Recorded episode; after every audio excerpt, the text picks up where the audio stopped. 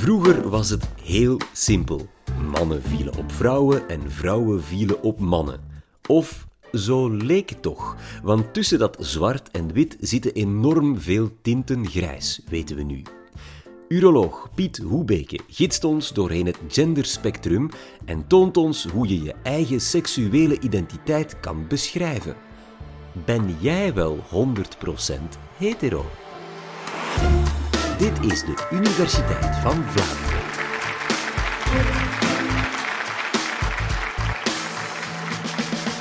LGBTQIA+. Dit is een acroniem dat eigenlijk gebruikt wordt om orde te krijgen in wanorde. En wat is die wanorde? Wel, die wanorde is de seksuele identiteit van de mens.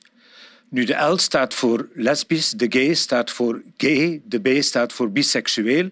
En dat zijn seksuele voorkeuren.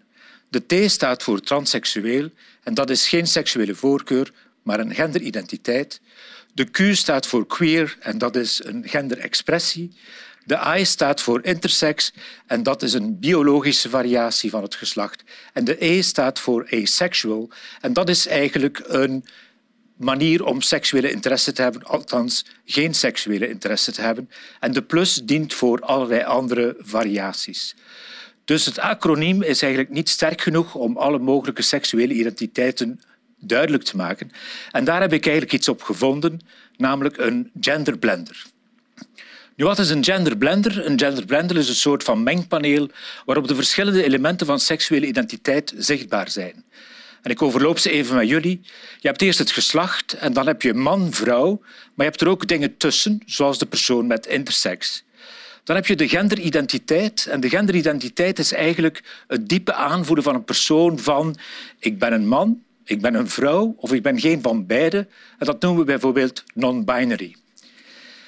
Een derde balkje op deze genderblender is genderexpressie. En genderexpressie is de manier waarop we uiting geven aan onze genderidentiteit. En daarvan is bijvoorbeeld kleding een voorbeeld, maar ook manieren van bewegen kan daarvan een voorbeeld zijn. En dan heb je nog seksuele voorkeur. Sommige mensen vallen op mensen van hetzelfde geslacht, de meeste vallen op mensen van het andere geslacht, of sommige vallen op mensen van beide geslachten. En dat zijn dan biseksuele mensen. Naast dit mengpaneel staat er ook nog een volumeknopje. En dat volumeknopje is eigenlijk het volumeknopje wat zegt hoeveel seksuele interesse heb je. Sommige mensen hebben heel veel seksuele interesse. Men zegt wel eens van mannen dat ze om de zeven seconden aan seks denken, maar dat is helemaal niet juist. Maar dat zou dus een vorm zijn van hyperseksualiteit. En anderen hebben helemaal geen seksuele interesse en dat is dan aseksualiteit. Nu, u ziet dat ik op die genderblender de knopjes allemaal in het midden gezet heb. En eigenlijk is dat niet per toeval.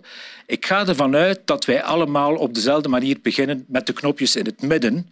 En dan ontstaat er een proces dat ervoor zorgt dat al die knopjes een bepaalde positie gaan innemen. En laten we nu eerst even kijken naar de biologie, want daar is het gemakkelijkst uit te leggen. Inderdaad beginnen wij allemaal op dezelfde manier. De eerste tien weken van ons leven zien wij er van binnen gelijk uit. Wij hebben de bouwstenen voor beide geslachtsorganen, zowel voor mannelijk als voor vrouwelijk. En we hebben allemaal een geslachtsklier die nog niet gekend is als eierstok of als steelbal, maar dat na tien weken pas wordt. En dan ontstaat er op basis van het genetisch programma, wat heel duidelijk gedefinieerd is in, het karyotype, dat zijn dus chromosomen. En u weet allemaal dat mannen een XY-karyotype hebben en vrouwen een XX-karyotype. En dat karyotype draagt dus de genen die het programma bevatten om die inwendige geslachtsorganen om te vormen. Er is daar een zeer groot verschil tussen mannen en vrouwen.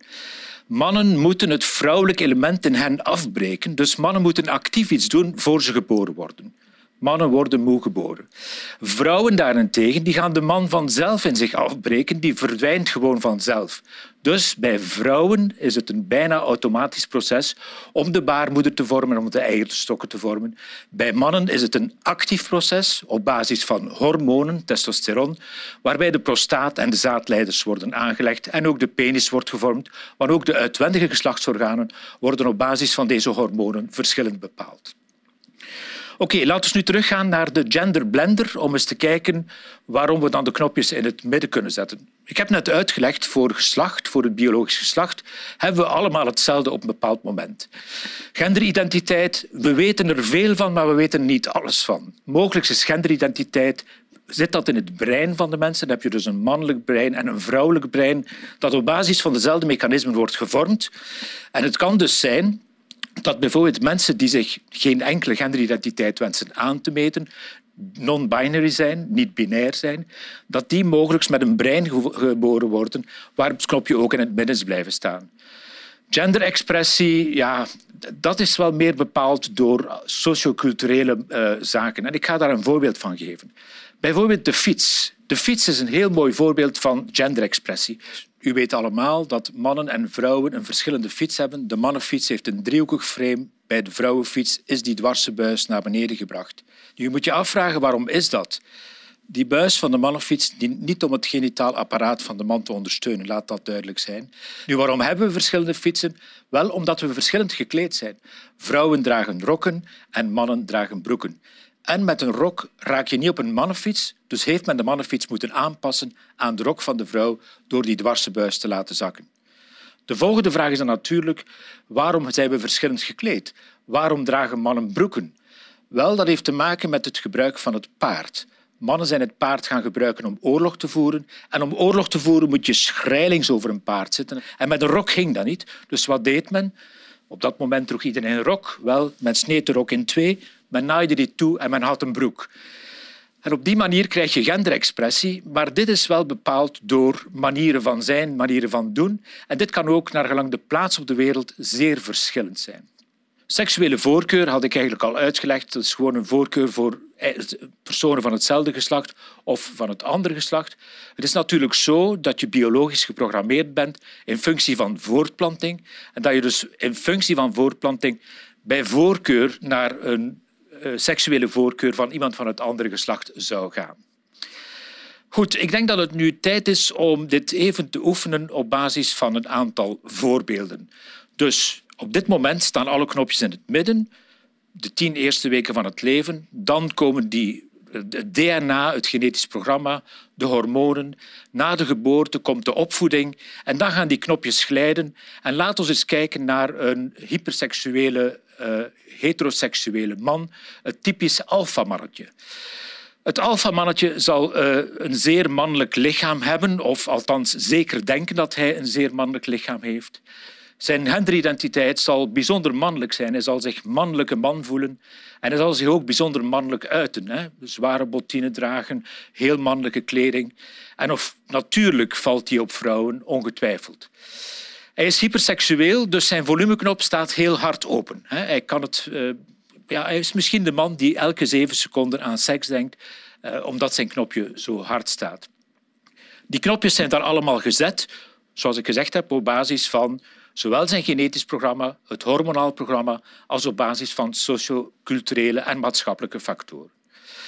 Laten we nu eens een andere man erbij nemen. Uh, laten we eens een homoseksuele man nemen. Een homoseksuele man met een niet ingedaalde teelbal bij de geboorte, die ook nog asexueel is. Als je teelbal niet goed indaalt bij de geboorte, dan is er in dat proces van biologische man worden een klein foutje gebeurd. En je ziet dat we het knopje voor het geslacht net iets minder aan de mannelijke kant gezet hebben, maar een beetje meer naar het midden toe. We opereren dat wel, dus je zou zeggen, we gaan dat knopje dan terug verschuiven. Maar er is daar in de ontwikkeling toch iets misgegaan, waardoor je kan zeggen dat het geslacht dus inderdaad een beetje verschoven is. Die man kan een perfecte mannelijke genderidentiteit hebben, dus het knopje staat daar bij man.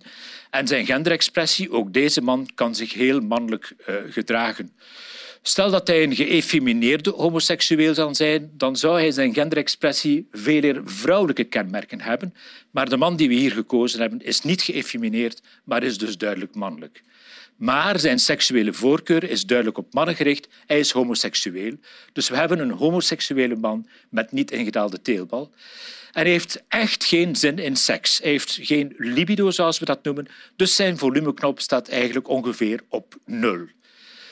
Belangrijk om te weten, mensen die aseksueel zijn, hebben wel een seksuele identiteit. Dus mensen die er bijvoorbeeld voor kiezen om geen seksuele activiteit te hebben, Ik denk aan priesters die kiezen voor celibatair leven. Ook die mannen hebben een seksuele identiteit, alleen draaien die bewust hun volumeklop op nul. Laten we ons even een drag queen bijnemen. Een drag queen is in dit geval een bij geboorte man die als drag queen natuurlijk zijn genderexpressie zeer vrouwelijk. En je ziet het knopje van genderexpressie daarbij zeer vrouwelijk staan. Natuurlijk, als die brave meneer naar zijn werk gaat, dan gaat hij zich heel mannelijk kleden. Dan kan hij een mannelijke genderexpressie hebben. Dus die expressie kan aan beide kanten staan, naar gelang de omstandigheid waarin hij zich bevindt. Wat betreft zijn genderidentiteit, heel wat mensen die drag zijn, hebben geen specifiek mannelijke identiteit of geen specifiek vrouwelijke, maar zitten eerder in dat misschien non-binaire, eerder in het midden. En wat betreft seksuele voorkeur, in dit geval is het een homoseksuele drag queen en valt hij dus op mannen. En laten we ons een laatste bijhalen, misschien een moeilijke, namelijk een homoseksuele transvrouw. We beginnen met een transvrouw. Dat is dus eigenlijk een man die zich qua genderidentiteit bijzonder vrouwelijk voelt. En je ziet het knopje van genderidentiteit staat op vrouw. Het knopje van geslacht staat nog op man, want die persoon is als man geboren. Als we die diagnose gesteld hebben, gaan we die persoon opereren en kunnen we het knopje van geslacht eigenlijk van positie veranderen, van man naar vrouw. Deze persoon zal zich ook zeer vrouwelijk kleden, zal make-up, zoals vrouwen dragen, zal ook proberen van vrouwelijk te stappen, zal ook proberen van de stem vrouwelijk te gebruiken. Dus de genderexpressie is vrouwelijk. En dan valt die persoon toevallig op vrouwen. Dus hebben we hier eigenlijk een homoseksuele transvrouw. Als je terug zou gaan naar het begin, dan zou je kunnen zeggen eigenlijk is dit een heteroseksuele man die een homoseksuele transvrouw is geworden. En dat is inderdaad juist. Ik heb hier de seksuele interesse op mediaan gezet, dus een gemiddelde seksuele interesse. Ik laat u raden hoe vaak men dan per week seks heeft. Goed, ik denk dat we met dit verhaal een beetje kunnen afsluiten. En ik probeer u eigenlijk te vertellen hoe de seksuele identiteit van een mens in elkaar zit. Die is dus bijzonder gevarieerd en kan dus op basis van wat ik getoond heb met die genderblender of dat mengpaneel bij ieder persoon verschillend zijn. De seksuele identiteit is bijna zoals een vingerafdruk. Maar het verschilt wel een beetje van een vingerafdruk, want je seksuele identiteit kan in de loop van je leven veranderen.